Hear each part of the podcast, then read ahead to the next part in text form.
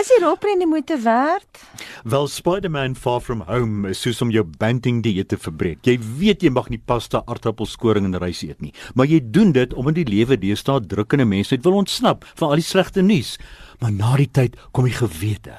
Jy het gesê jy wil nie meer vervolge sien nie waarin die storie opgeraak het nie. Tog het hierdie een Anita soveel charme en snoesige warmtaal, is dit nie vreeslik goed nie dat jy pens en potjies daarvoor val. Die kliseë van 'n oulike fliek geld hier.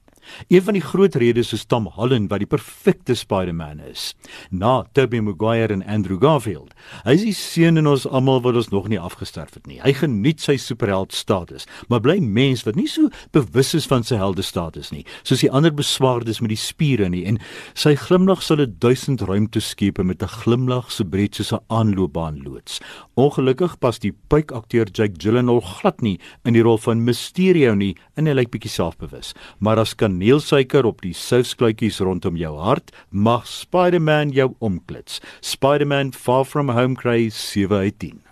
Ons praat nou juist vanoggend oor kos, jy so praat oor die kaneelsuiker. Dis nog 'n ding wat ek glad nie eet nie. Ek kan glad nie kaneel aan. Iemand het verlede week vir my souskluitjies gemaak. Anita is die eerste keer in 40 jaar dat ek dit weer eet. Ek mm -hmm. het soos 'n kind gevoel en gesmil daaraan.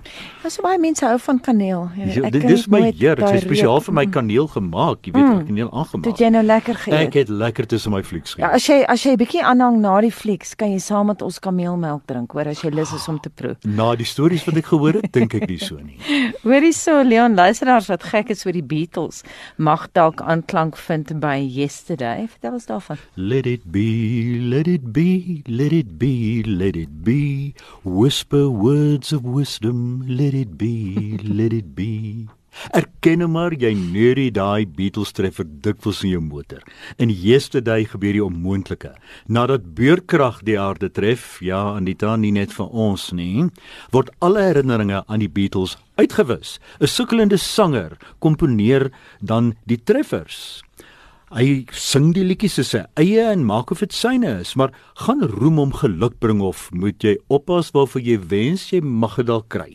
Yesterday bruis soos gaskooldrank in die middel van 'n fliek. Dis 'n roereie romantiese komedie waarmee ek bedoel dit kombineer al die regte bestanddele op die regte manier. Al is die storie heeltemal te ver gesog, sal dit jou om klits en nostalgies maak. Onthou jy Anita, ek weet nie of jy ook in hierdie kategorie val nie, maar ek het skelm op LM radio in die 60s na Hard Day's Night and Imagine en daardie liedjies geluister, want dit was elders verban. Nou kan jy dit uitbundig en sonder vrees saam sing. Yesterday, die fliek, sal jou opnuut laat verstaan hoe geniaal die Beatles se musiek was. Alhoewel die storie soos ek gesê het vergesog is, moet jy jou oorgee, soos wanneer jy jou tande in 'n sjokoladekoek wegslaan. En kyk wat gebeur wanneer hy Jude skielik skielik hy dude word. Dink is Magdalene Creer se gunsteling woord hierdie. Dis champagne lekker vermaak yesterday met hey Jude. Wat is haar gunsteling woord sê? Dude. Dude. O, Magdalene, nou ja, toe, ek nee, sal later uitvind. Export, export. Klink nie so sy nie. Nee, nee, nee, nee. Die fenomeen die Stockholm syndroom is baie bekend en nou is daar 'n rolprent Stockholm Stockholm syndroom. Vertel ons daarvan. Wel, raar soos dit klink, raak gevangenes soms op hul ontvoerders verlief. Dit is wat in 1973 in Stockholm gebeur het, toe ses mense as gijslaers deur bankrowers aangehou is, onder andere eksentrieke en flamboyante Ethan Hawke. In die fliek is dit net drie karakters, waaronder Noomi Rapace. Die absurde gebeure wat die bank se geld laat smelt in die liefde-haatverhoudings tussen die gijslaers en die bankrowers vorm die grondslag van Stockholm. Dis op die waarheid gegrond. Die roprent is stug, dis donker, dis moeilik en vereis konsentrasie en toewyding. Mm. Interessant en siggewend ontstellend, maar ook vermoeiend. Dis jou keuse of jy Stockholm gaan kyk of nie, sê sy team. Lees die resensies op RSG se webwerf, gaan na rsg.co.za, klik op fliek rubriek of luister op Potgooi. Mense vra vir my hoe kry hulle dit daar? Wel, gaan na die webblad, kies Potgooi, soek alfabeties na monitor, klik soek en beweeg af na fliek rubriek.